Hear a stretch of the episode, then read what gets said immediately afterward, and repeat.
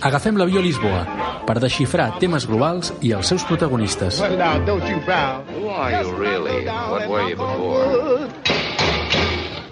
Hola, sóc en Víctor Puig per l'avió a Lisboa, l'espai de política global de Casablanca.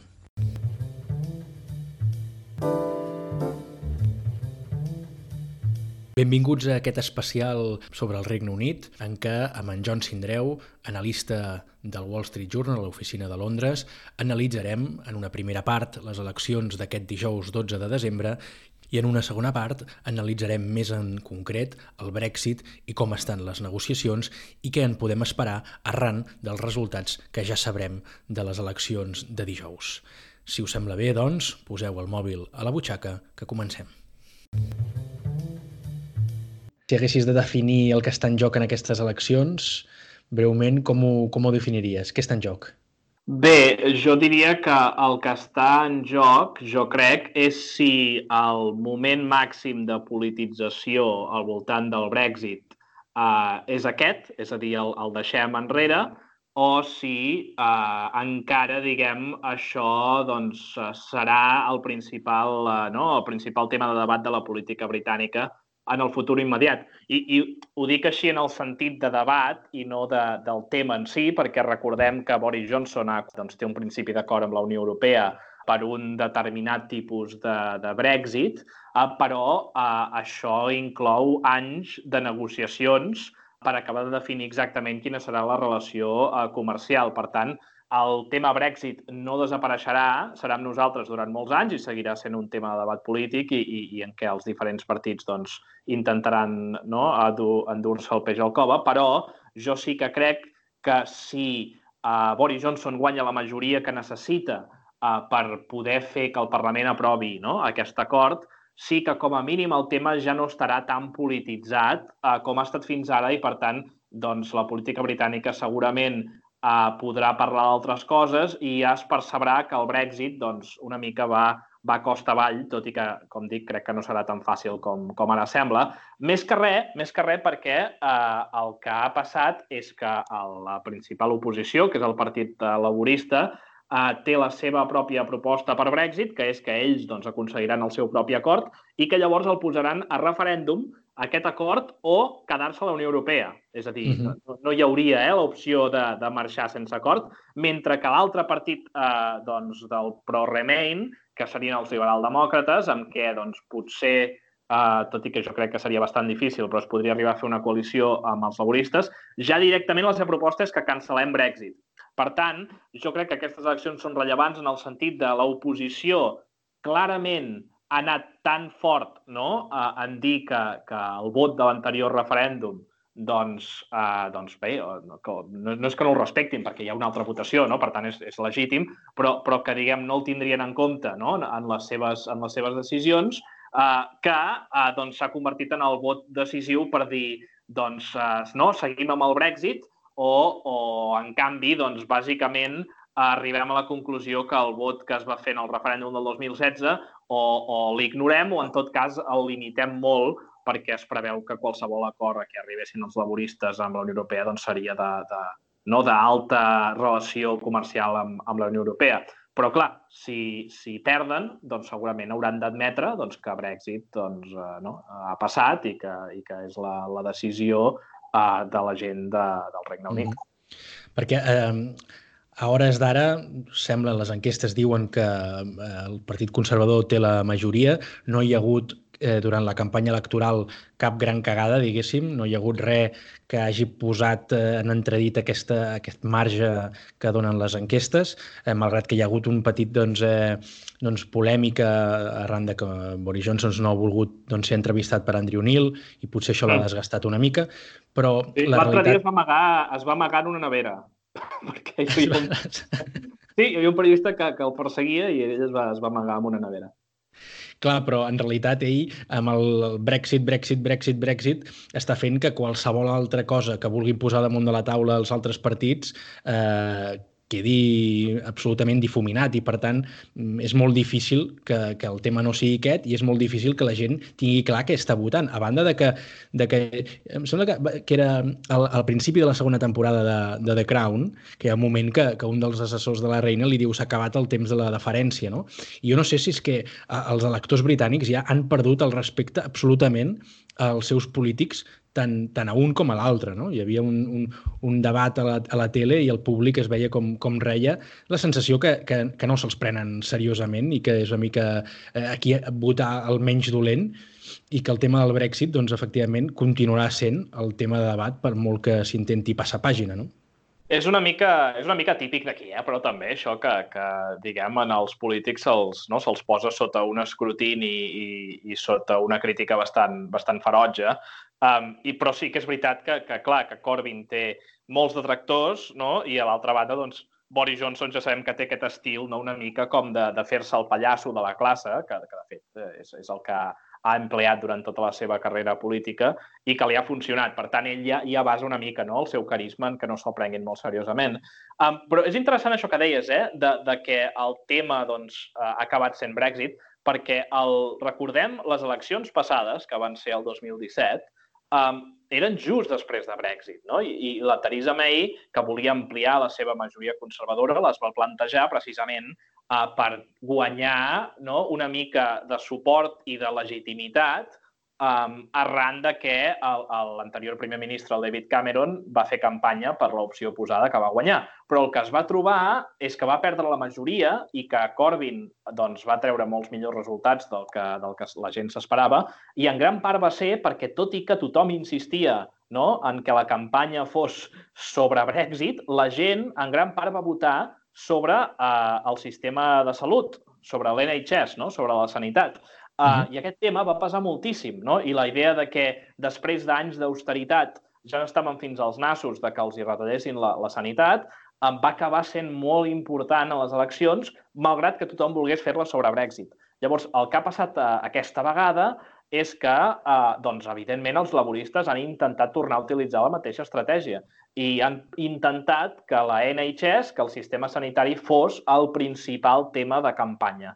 Um, no queda clar que se n'hagin sortit gaire, tot i que ja veurem, no? Uh, però, uh, en tot cas, l'argument que han fet servir és que, com que uh, uh, el Partit Conservador vol un, no, un, una sortida més, uh, no, més, un divorci no, més fort de la, de la Unió Europea, i ja, ja han promès que, que tindran relacions comercials més fortes amb els Estats Units, això pugui obrir la porta a que, a canvi d'aquesta major integració comercial amb els Estats Units, les empreses americanes poguessin entrar a competir més en aquest mercat sanitari eh, i obtenir contractes en aquest mercat i que, per tant, s'estigui obrint la porta a una privatització més a fons del sistema sanitari, cosa que uh -huh. els conservadors eh, doncs, neguen, però que és una, és una possibilitat, com a mínim, que els laboristes doncs, estan intentant potenciar tant com poden per intentar que aquestes eleccions altra vegada torni a passar com el 2017 i acabin sent no només sobre Brexit, que és un tema que amb ells els va força malament.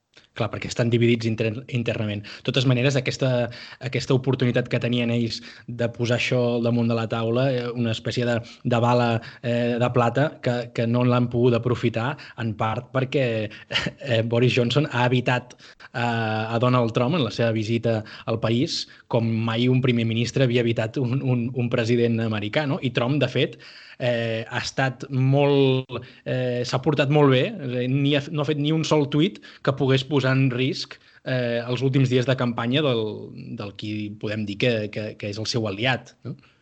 Clar, perquè heu de pensar que, que Johnson, eh, diguem, els vots, els vots, tot i que hi ha el Brexit Party, però el Brexit Party ja s'ha vist que ha perdut, ha perdut molta, no? molta embranzida, perquè la seva raó de ser era que amb l'anterior líder, amb la Theresa May, doncs eh, quedava clar que els, els conservadors eh, contraris al Brexit seguien tenint molt de pes no? en el govern, mentre que Johnson eh, ha pres una, no? una via molt més dura amb el Brexit, eh, gran part de les veus crítiques han acabat expulsades del partit i, per tant, una mica aquest Brexit Party ha perdut la raó de ser i el que ha acabat passant, evidentment, és que Johnson aquests vots ja els té assegurats però la manera en què ell ha de guanyar les eleccions, i ell ho té força clar, i per això crec que no li convenia uh, doncs, fer-se polèmic amb Donald Trump és captant la resta de votants que, uh, i jo percebo que, que són molts, segurament a Londres no, no tant, però em sembla evident que la resta del país són molts, que estan farts d'aquest tema i que uh, estan farts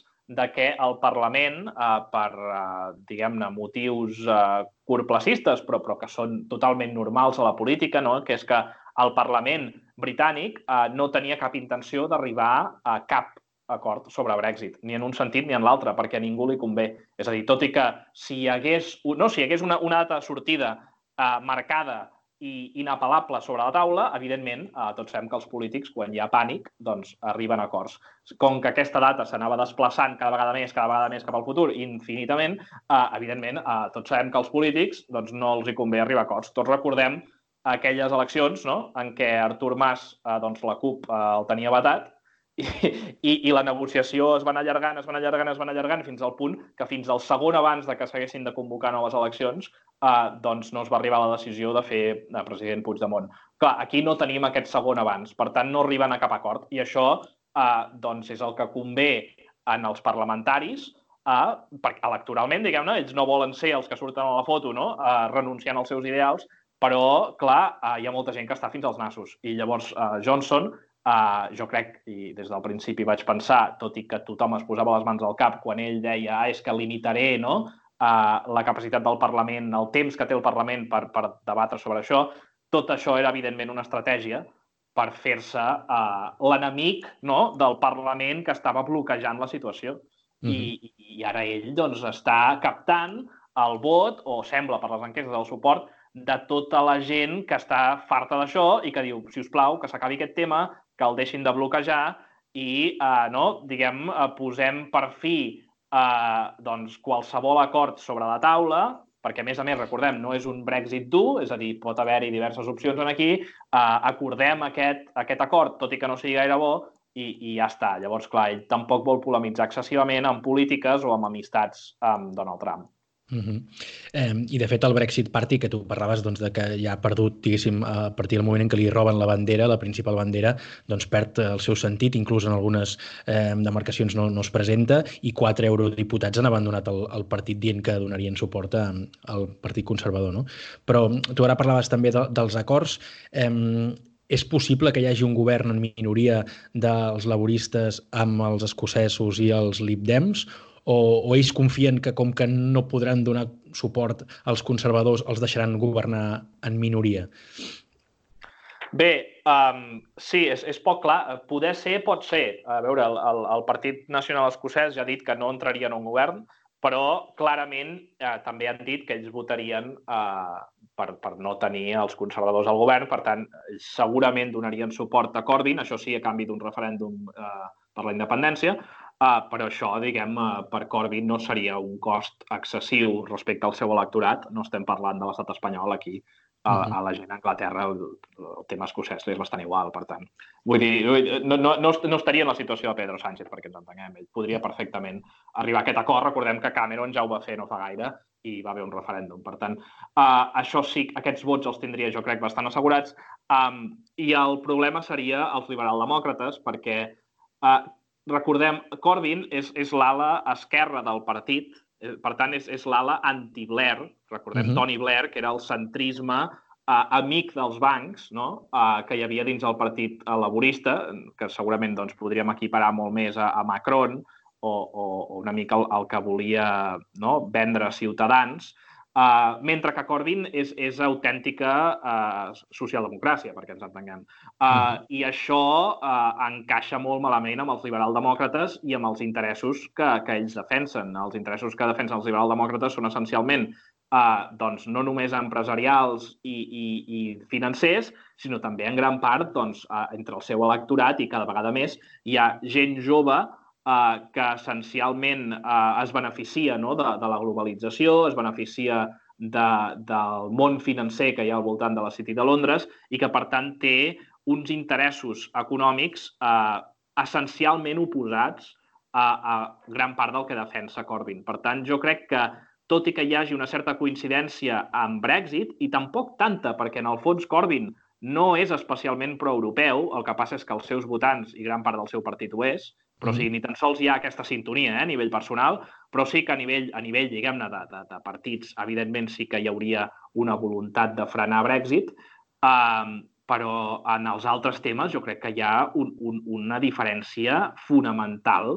en els interessos que defensen. En altres circumstàncies, els liberal-demòcrates d'avui serien molt millors aliats d'un partit conservador més moderat que no pas d'un partit eh, doncs, laborista eh, que torna una mica a les essències antigues de la socialdemocràcia. Mm -hmm. Perquè aquests votants eh, liberal-demòcrates, que són conservadors moderats però que són remainers, eh, tu creus que poden preferir un govern eh, brexiter de Boris Johnson conservador abans que, que un de Jeremy Corbyn, encara que, que sí que sigui no. remainer? No, no. I per, i per, això, i per això no dic que la situació per ells és molt complicada, clar. O sigui, ells, clar, els liberal-demòcrates no són, eh, els votants sobretot, no són conservadors a nivell de polítiques, eh, no? de, bueno, de temes socials, no? Uh -huh, uh -huh. Uh, feminismes, uh, no? matrimoni homosexual, tot i que això ja està, ja està molt, molt fet, eh? però, uh -huh. uh, però, però vull dir que amb aquests temes ells s'assemblen molt més sociològicament als votants d'esquerres, el que passa és que a nivell de política econòmica jo crec que s'assemblen molt més als conservadors.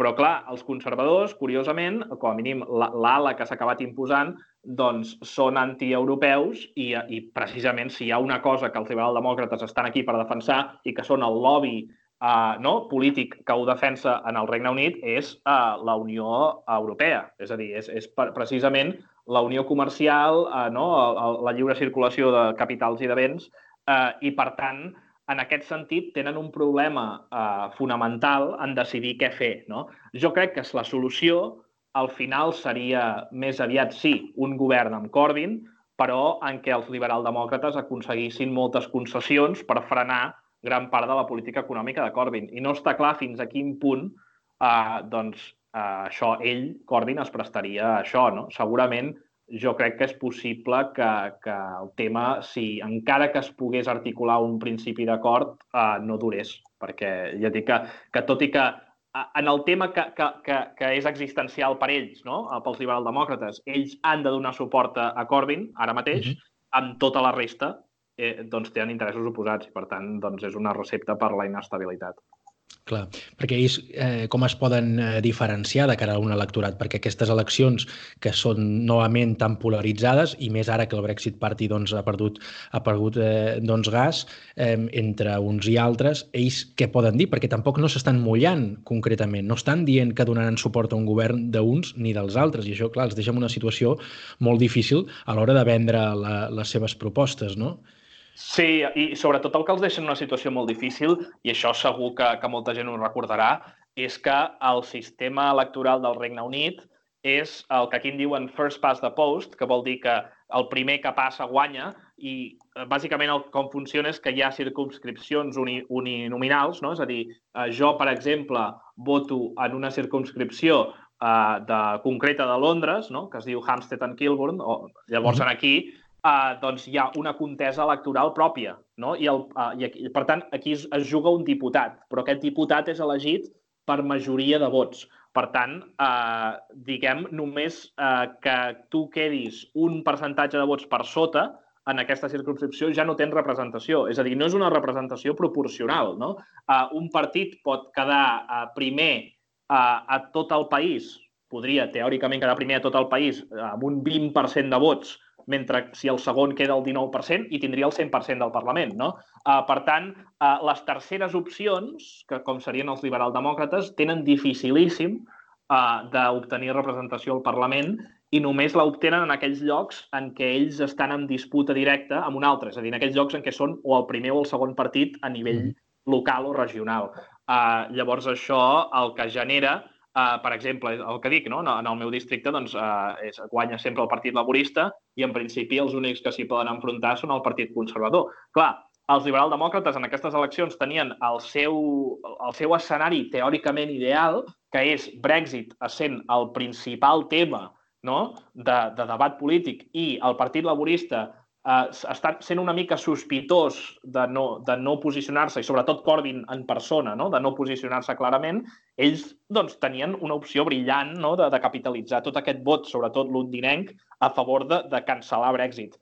Però, clar, com que es troben en aquesta situació en què eh, doncs pot ser que, no, que, no, que és una mica tot o res, en el moment en què doncs, no passen aquest llindar a les enquestes, no? sembla que no acaben de passar, a mesura que s'acosta el dia eh, de les eleccions, es desinflen, es desinflen, es desinflen, perquè la gent el que sap és que si votes a una tercera o una quarta opció, el teu vot no compta per res. Per tant, eh, el vot tàctic no? va, agafar, va prenent forma i ells acabaran amb una força molt inferior, a, no només a la que els hi correspondrà per percentatge de vot, sinó sobretot a la que els hi hauria correspost si ells tinguessin l'opció no, de combatre aquestes eleccions amb igualtat de condicions. Perquè, més recordem, eh, això vol dir també que a, a molts debats tampoc t'hi conviden, etc etc etc. És a dir, tot el discurs de la campanya se centra en el fet de que tu no pots guanyar.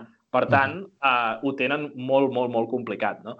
Um, i això fins és, a quin, és fins a quin, fins a quin punt és, responsabilitat d'aquesta nova candidata, la Jo Swanson, que no és una, una candidata molt jove, d'altra banda, però no ha sapigut aprofitar eh, aquesta oportunitat del Brexit. Eh, i també perquè mm, pot ser que, que encara els pesa molt, diguéssim, que les, el fracàs de la coalició en el seu moment amb els conservadors, és a dir, eh, en lloc de posar-la en valor i dir nosaltres podem moderar aquest partit eh, conservador, eh, se n'amaguen molt i, i no, ah, i no... Que, però pensa, Víctor, que és que aquest és el tema, és que ja no és un tema de moderar el Partit Conservador com en el seu dia. Ells ara són el partit que cancela Brexit. Per tant, mhm. -huh. estan fonamentalment oposats no, al Partit Conservador. Um, i, I llavors ells només tenen un tema en què, en què poden créixer i guanyar, que és Brexit. Um, però jo sí crec, que crec que és un, hi ha un espai natural per ells i, com tu dius, uh, la líder segurament no, no ha sabut mobilitzar suficientment uh, l'electorat. Uh, també aquí cal pensar que no hi ha hagut prou temps per articular aquest tercer espai eh, que jo crec que en el món que tenim avui en dia cada vegada és més, és més natural no? i és més necessari eh, que hi hagi els tres espais perquè són fonamentalment diferents. No? El primer uh, és el, el, el conservador típic i tòpic, no? El, el segon, uh, uh, la recomposició que estem veient de certa socialdemocràcia uh, que, diguem que no faci el seguidisme, no? El, el, el, el que s'ha dit el neoliberalisme, i, i, i el tercer és el partit que, tot i no defensar posicions socialment conservadores, defensa aquest model econòmic. I, i per tant, jo crec que és natural que hi hagi aquest espai.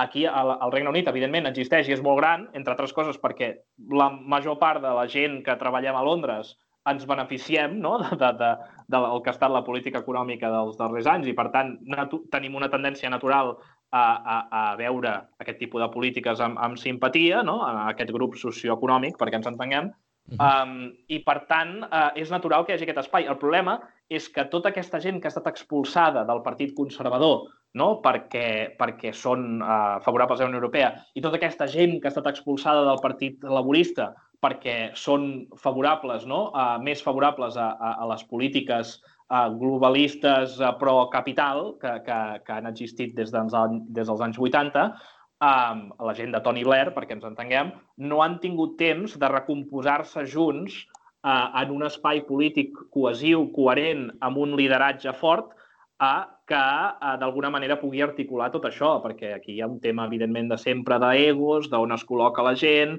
i, i, de simple, I de simple temps, també. És que no hi ha hagut temps, no? Els liberaldemòcrates... Però, però sí que és veritat que han fet una campanya molt... Els liberaldemòcrates han fet una campanya molt presidencialista amb una candidata molt desconeguda, tot i que va ser ministra no? en aquesta coalició entre els liberals i els conservadors, però, però no han aprofitat tota aquesta gent que, que va marxar del Partit Conservador, que haguessin pogut fer una campanya, diguéssim, amb això que tu deies, no? de dir, eh, és que ara el nou gran partit Remainer centrista som nosaltres, no? No ho han aprofitat aprofitat en absolut, tinguessin temps sí. o no. Sí, és evident, però tens, tens uh, dos problemes evidents amb això. El primer és el que et deia del personalisme, no? Al final, tota aquesta gent que ha estat uh, picant pedra als liberaldemòcrates, això passa a tots els partits, sí. no volen cedir el lideratge al primer que passa, no? que això, uh -huh. això vull dir, passa sempre, Sí, sí. Um, o sigui, has de tenir molt poca base no? per, uh, per poder fer això, no? És a dir, per poder dir uh, Manuel Valls, vinga, que sigui el líder. Clar, això, mm. això en partits on hi, ha, on hi ha bases amb ambicions raonables no passa i, i encara menys si a més el líder ve d'un altre partit. I a més a més, el segon element també és que, clar, els liberaldemòcrates com a partit que sempre ha estat al mig d'aquests dos, si tries un líder carismàtic que ve dels conservadors, t'estàs etiquetant i estàs alienant no, la gent que ve dels laboristes. Si ho fas al revés, t'està passant al contrari.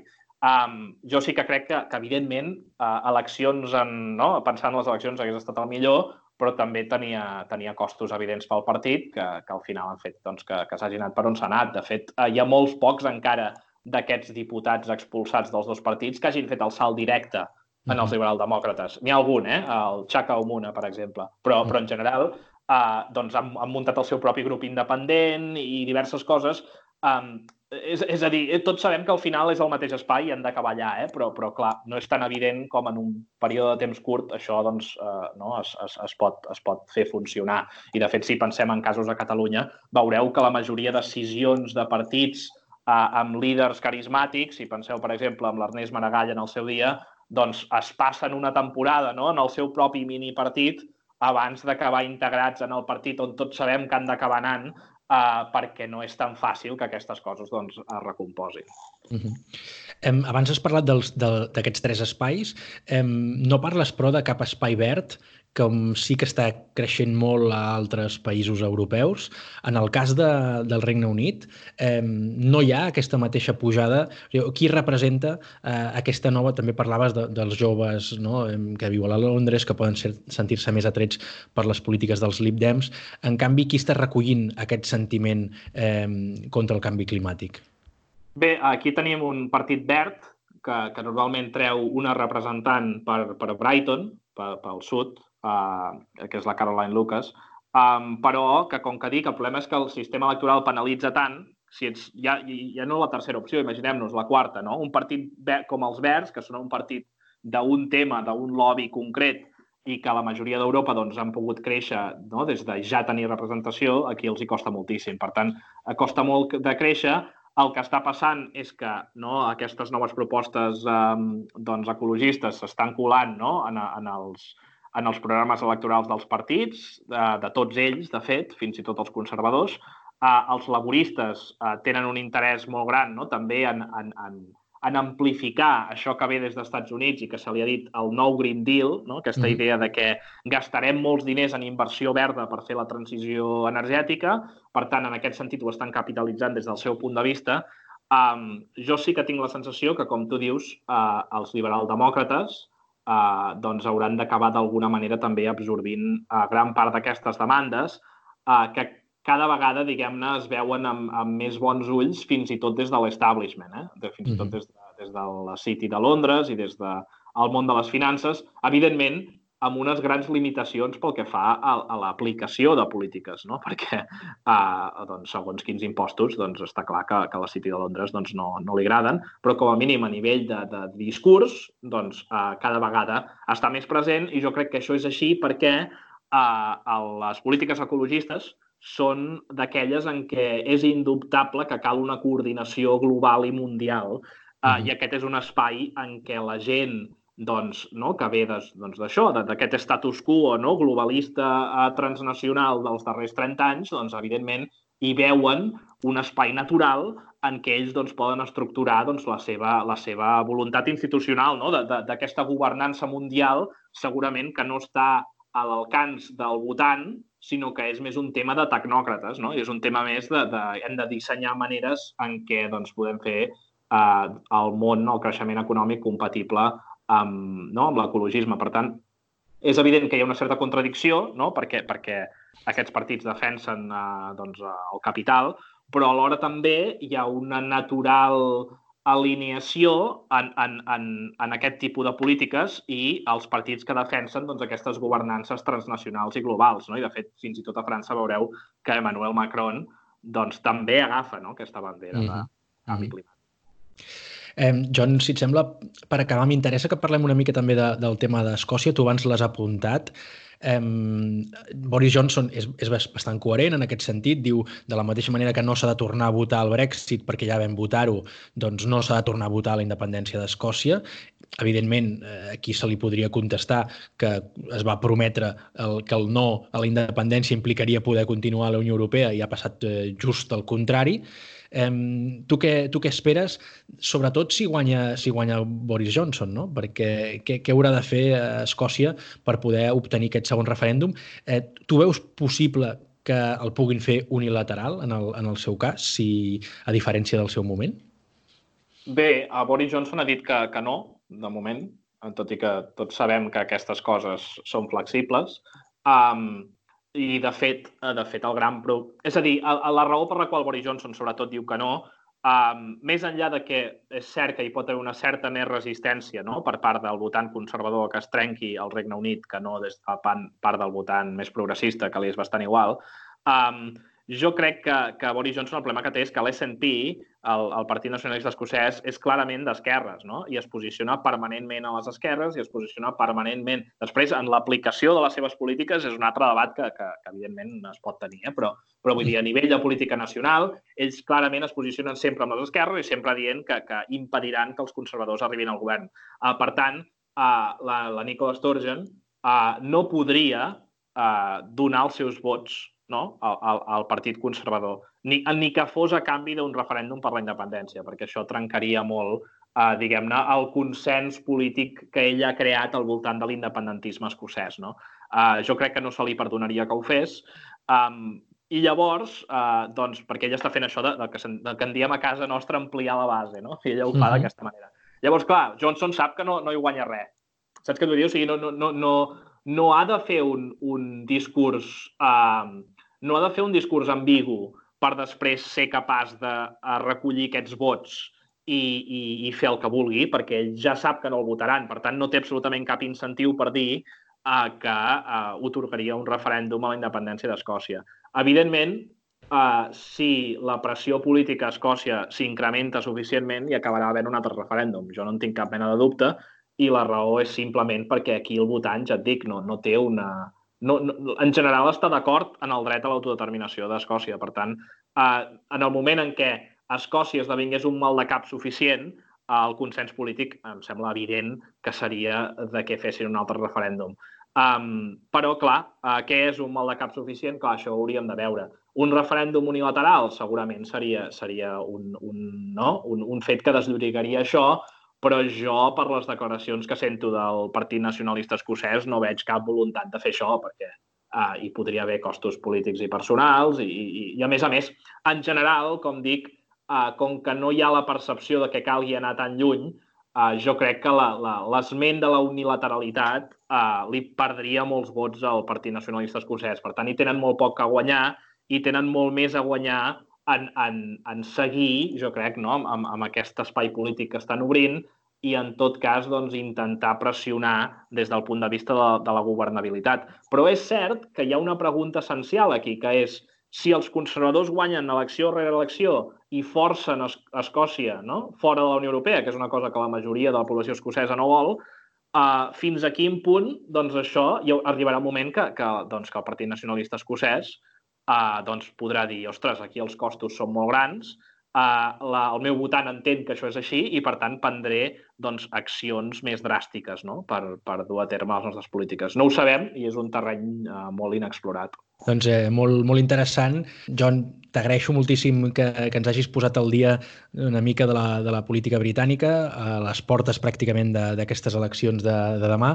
Ens tornem a veure molt aviat en la segona part d'aquest programa i aleshores sí que analitzarem una mica amb els resultats a la mà què espera a nivell de, de Brexit per, pel Regne Unit. Moltes gràcies, John. Fins la propera. Fins la propera i moltíssimes gràcies a tots els oients per escoltar aquest programa i si podeu doncs, compartir-lo a les xarxes doncs també us ho agrairé. Una abraçada. How much trouble? Too much trouble. Well now, don't you frown. Just knuckle down and knock on wood. Who's unhappy?